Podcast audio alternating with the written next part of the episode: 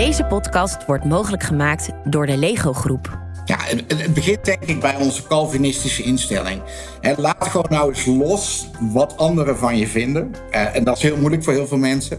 Maar denk terug aan die kindertijd en wat je toen leuk vond. En, en pak dat spelen weer op. Wanneer was de laatste keer dat je iets deed waar je zo in opging dat je alles en iedereen om je heen vergat?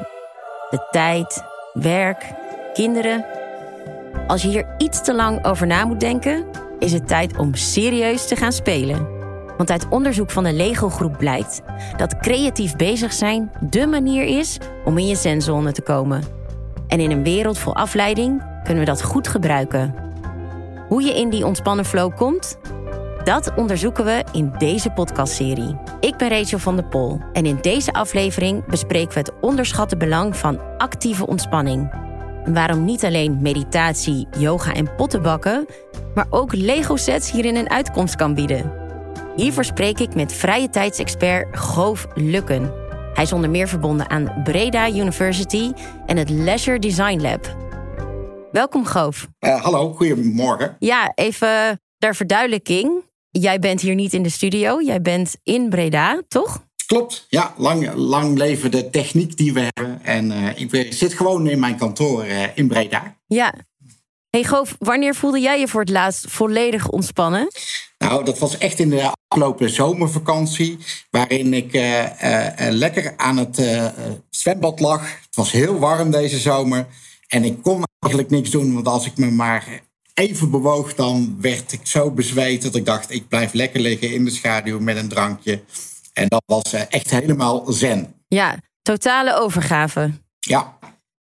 Ja, dat doe je dan goed.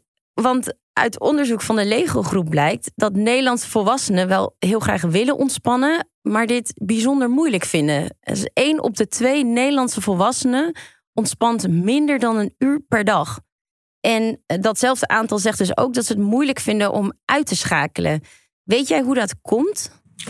Er zijn een aantal redenen waarvoor eh, dat eh, eigenlijk gebeurt. En dat heeft te maken aan de ene kant dat we als volwassenen zijn geprogrammeerd om steeds meer professioneel over te komen, als een volwassenen ons te gedragen.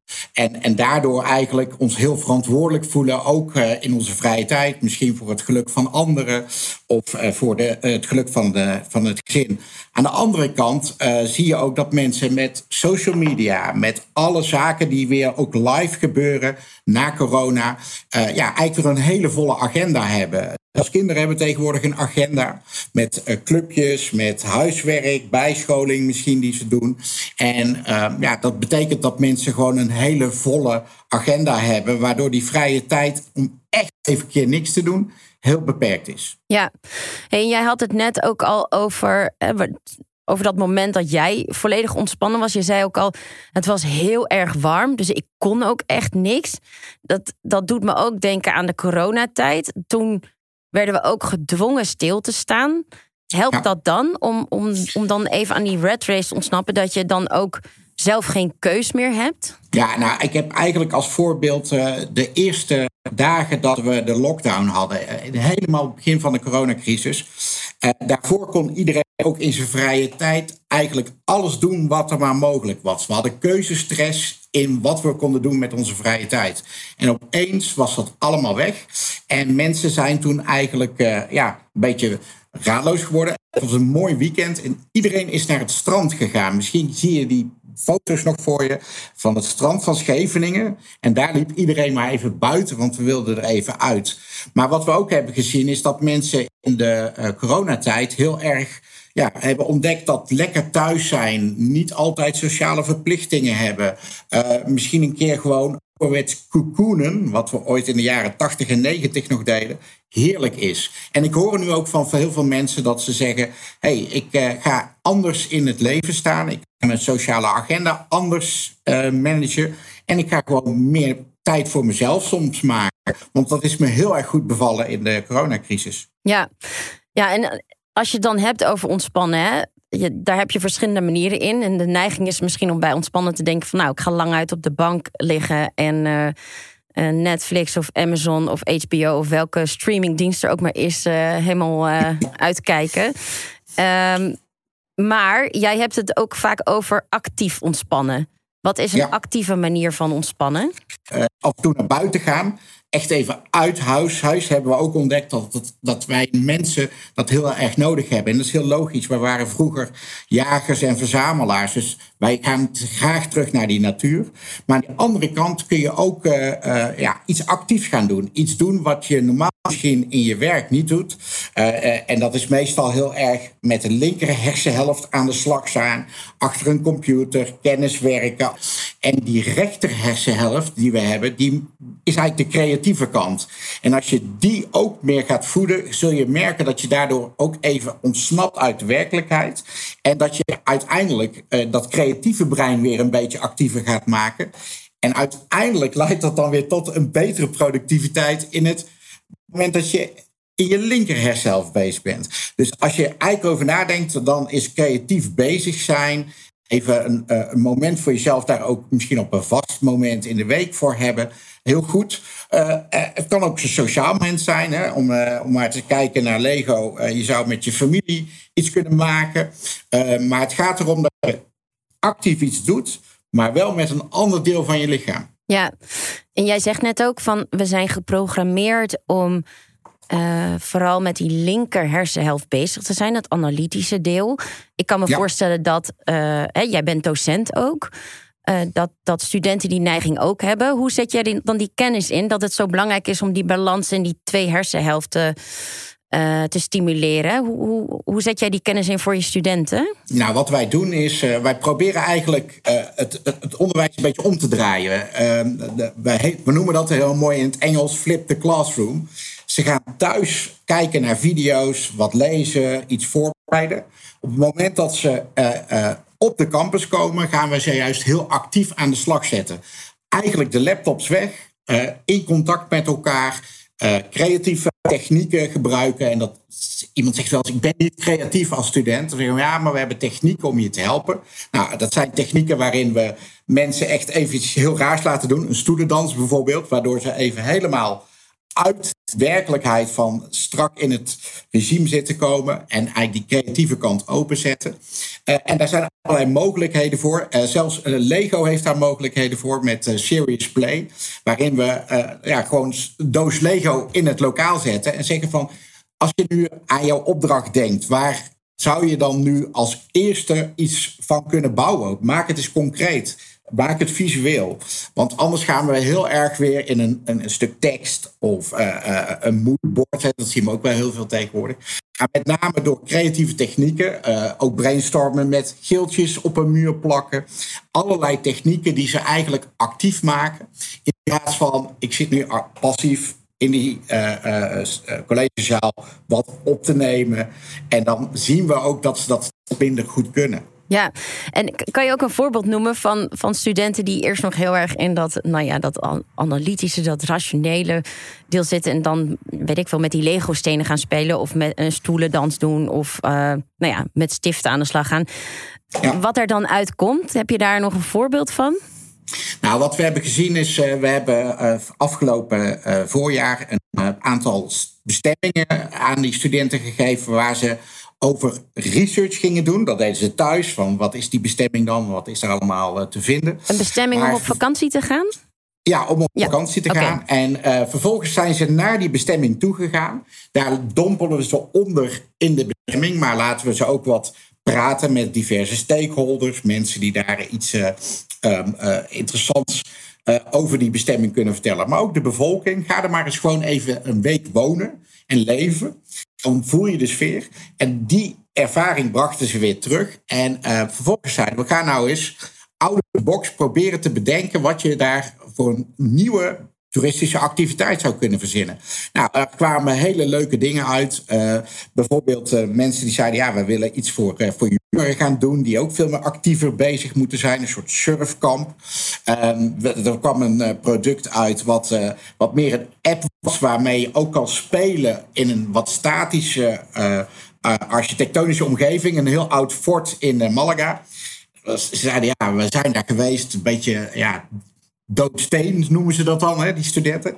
Maar als wij nu eens met artificial intelligence, met de mobiel dingen gaan doen, een game ontwikkelen waar misschien kinderen ook kunnen gamen op, op die locatie en ook nog iets leren over die historie. Nou, dan halen we eigenlijk twee doelen bij elkaar. We gaan de beleving vergroten en aan de andere kant gaan we zorgen dat, ja, dat die bestemming ook weer interessant wordt voor jongeren. Ja, dus die creatieve, actieve ontspanning, die maakt echt iets los. Maar wat ik ook hoor, en wat, nou ja, de dingen die jullie daarvoor dus uh, inzetten, uh, die worden door volwassenen ook wel eens gezien als kinderachtig. Vind ik niet helemaal terecht. Hè, Lego-stenen, nou, dat, dat grijpt direct terug op de kindertijd, maar ook uh, kleuren.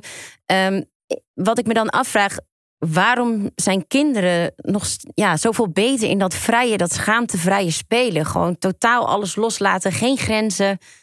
Alles kan. Ja, nou, we zien eigenlijk in, uh, in de ontwikkeling van, uh, van je brein een aantal fases. Um, in, die, in die eerste fase, als, als een baby nog heel jong is, dan ja, kan hij niet zoveel. Sterk afhankelijk van ouders. Op een gegeven moment leert hij lopen, leert hij zelf eten, zelfzindelijk zijn. En steeds meer komt er die Maar de vrijheid die een kind heeft, daar zijn ouders soms jaloers op. Ze kijken met jaloerse ogen, al kon ik ook maar weer kind zijn. Of hoe vaak hoor je iemand zeggen, was ik maar weer student, want was zo'n leuke tijd in mijn leven.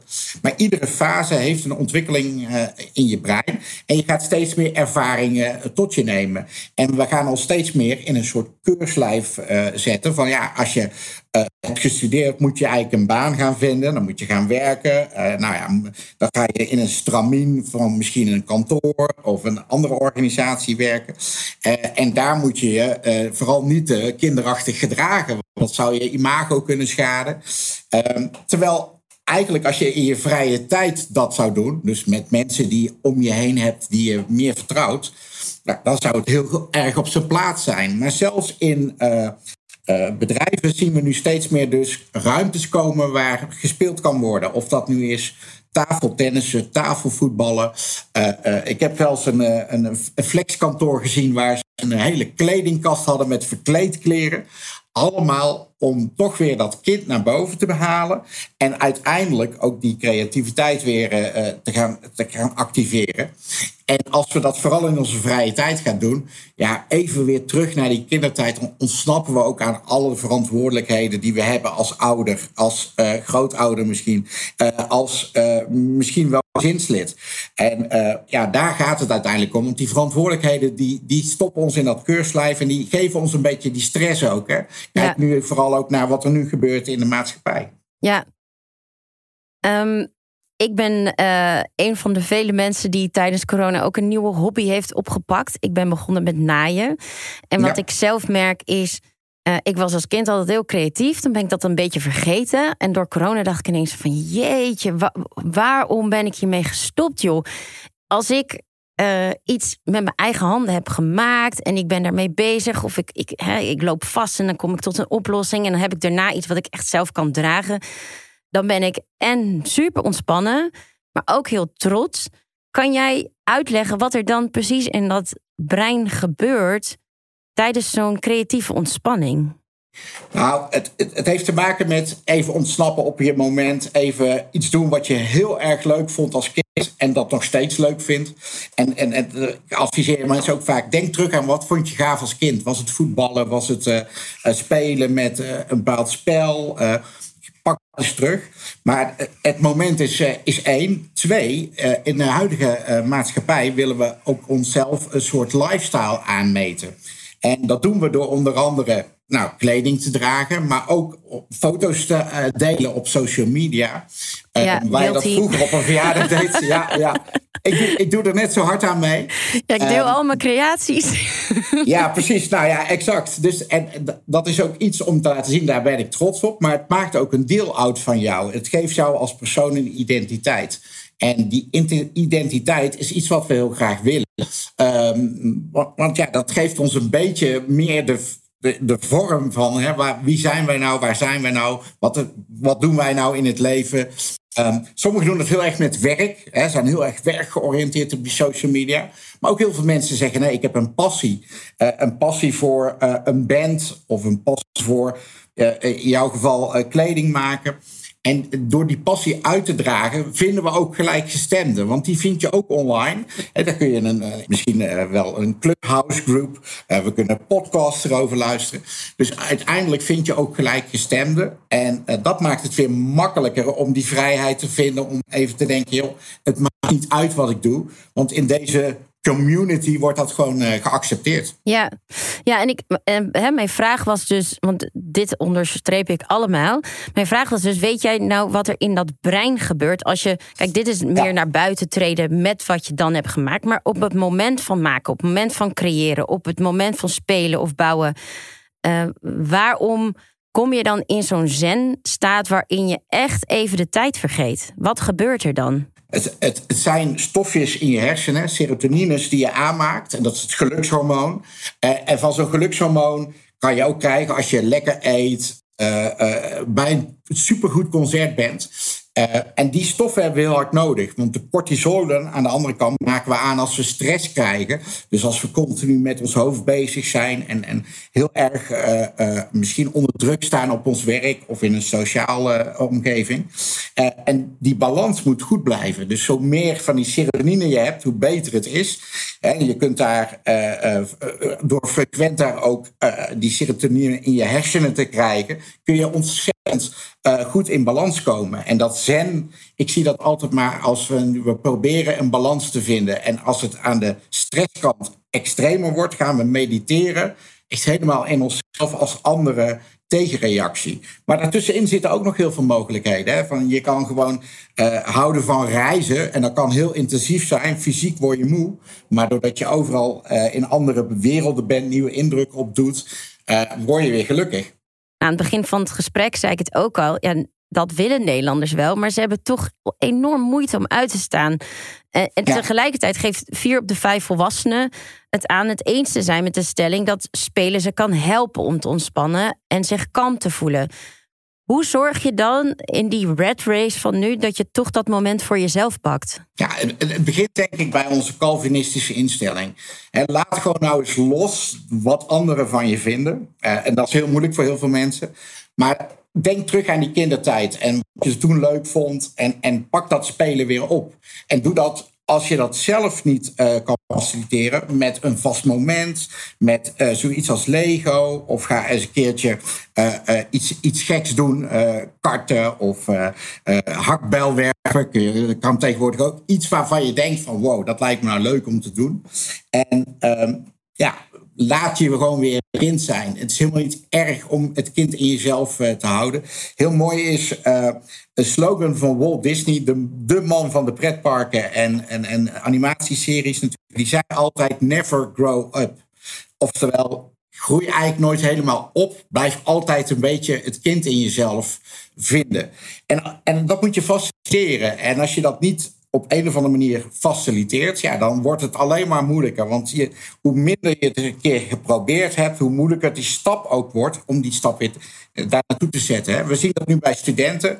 Komen uit uh, de online wereld, uh, heel veel met schermen, minder sociale interactie gehad heel veilig in hun eigen uh, kamer zaten ze daar. Als ze nu weer in een groep zitten, ja, in de bubbel. En als ze nu weer in een sociale groep zitten. En uh, toevallig zijn we deze week weer begonnen. Dan, dan kijkt iedereen elkaar eens aan. En zeker als je elkaar nog niet als een veilige omgeving omschouwt. Dan moet je eerst die stap maken. Dus wat wij nu doen is, we gaan met z'n twee dagen weg. We gaan twee dagen uh, uh, leuke dingen doen, bedrijven bezoeken. En zelfs in informele komt dan die groep weer los. Mensen vinden elkaar en durven weer meer zichzelf te zijn. Ja, en wat ik dus ook hoor is. Zet gewoon een groot kruis in je agenda. Maak het net zo belangrijk als je werk, dan niet belangrijker, want anders doe je het gewoon niet. Ja, en, en maak ook tijd, tijd voor elkaar. Dus hè, als je uh, sommige mensen zeggen, ik moet het individueel doen. Als je het samen doet, moet je het ook echt misschien wat meer plannen. Ja. Uh, maar ik, ik ken gezinnen waarin uh, een, een spel spelen of een vast moment in de week... samen iets doen heel belangrijk is. Wij hebben recentelijk allerlei onderzoeken gedaan naar waarom gaan mensen een dagje uit. En dan zou je denken, mensen gaan naar een dierentuin omdat ze dieren heel leuk vinden. En nee hoor, het is allemaal, het heeft allemaal te maken, we willen met elkaar iets doen iets leuks doen. En als je dat ook hebt inzetten als spelen, en dat kan uh, ook een, uh, samen aan iets bouwen met Lego zijn. Het kan een uitdaging zoeken in, in een hele mooie sets die, die er nu zijn van architectonische gebouwen. En we gaan dat in weken achter elkaar opbouwen. En als het af is, dan krijg je dat trotse gevoel. Yes. En dan heb je ook een teamprestatie. Ja, Precies. Ja, ja. Hey, ter afsluiting, hoe zie jij de toekomst van spelen voor volwassenen? Zie jij daar meer ruimte voor ontstaan? Nou, ik denk dat de corona ons heeft geholpen om weer, uh, ja, weer eens terug te gaan naar waar zijn we nou allemaal mee bezig in de wereld. Uh, uh, mensen zijn veel meer in het nu aan het leven. voor corona en voor de oorlog, denk ik, die uitbrak, waren mensen nog steeds bezig met consumeren, meer consumeren. En ja, we hadden die keuzestress. Alles kon, alles mocht. Nu zijn we weer even naar de basis teruggeworpen. En ik denk dat in de nieuwe fase die we nu eigenlijk krijgen, mensen bewuster gaan nadenken over: ik moet ook genieten in het leven. Ik moet mezelf ook ontspannen. Je hoort mensen bewuster nadenken over de balans tussen werk en vrije tijd. De techniek is er ook uh, voor. Hè. Je kan gedeeltelijk misschien thuiswerken. Dan ga je uh, smiddags iets leuks doen met je familie of met je vrienden. En s'avonds werk je weer een paar uurtjes. Dus doordat die flexibilisering ook daar komt, verwacht ik dat mensen uh, ja, daar meer van zullen gaan genieten. Meer in het nu zullen leven. En ook meer ja, proberen in die rechter hersenhelft te zitten en te ontspannen. Ja, ervaringen zijn mooier en fijner dan alleen maar spullen kopen. Hey, dankjewel, Goof. En uh, ik wens jou alvast een hele ontspannen dag. Ja, ik moet vandaag nog even werken, maar uh, het weekend staat vol uh, van ontspanning. Goed zo. Ben je ook toe aan quality time? Met premium Lego sets, speciaal ontworpen voor volwassenen? Dan kun je aan de slag met wereldwonderen, ruimtevaart, iconen uit de popcultuur, luxe auto's en architectonische meesterwerken. Dus trek die stekker uit het stopcontact en kom tot rust. Lees meer over Lego sets voor volwassenen via lego.com. Deze podcast werd mogelijk gemaakt door de Lego Groep en is terug te luisteren op advertorials.nrc.nl/lego.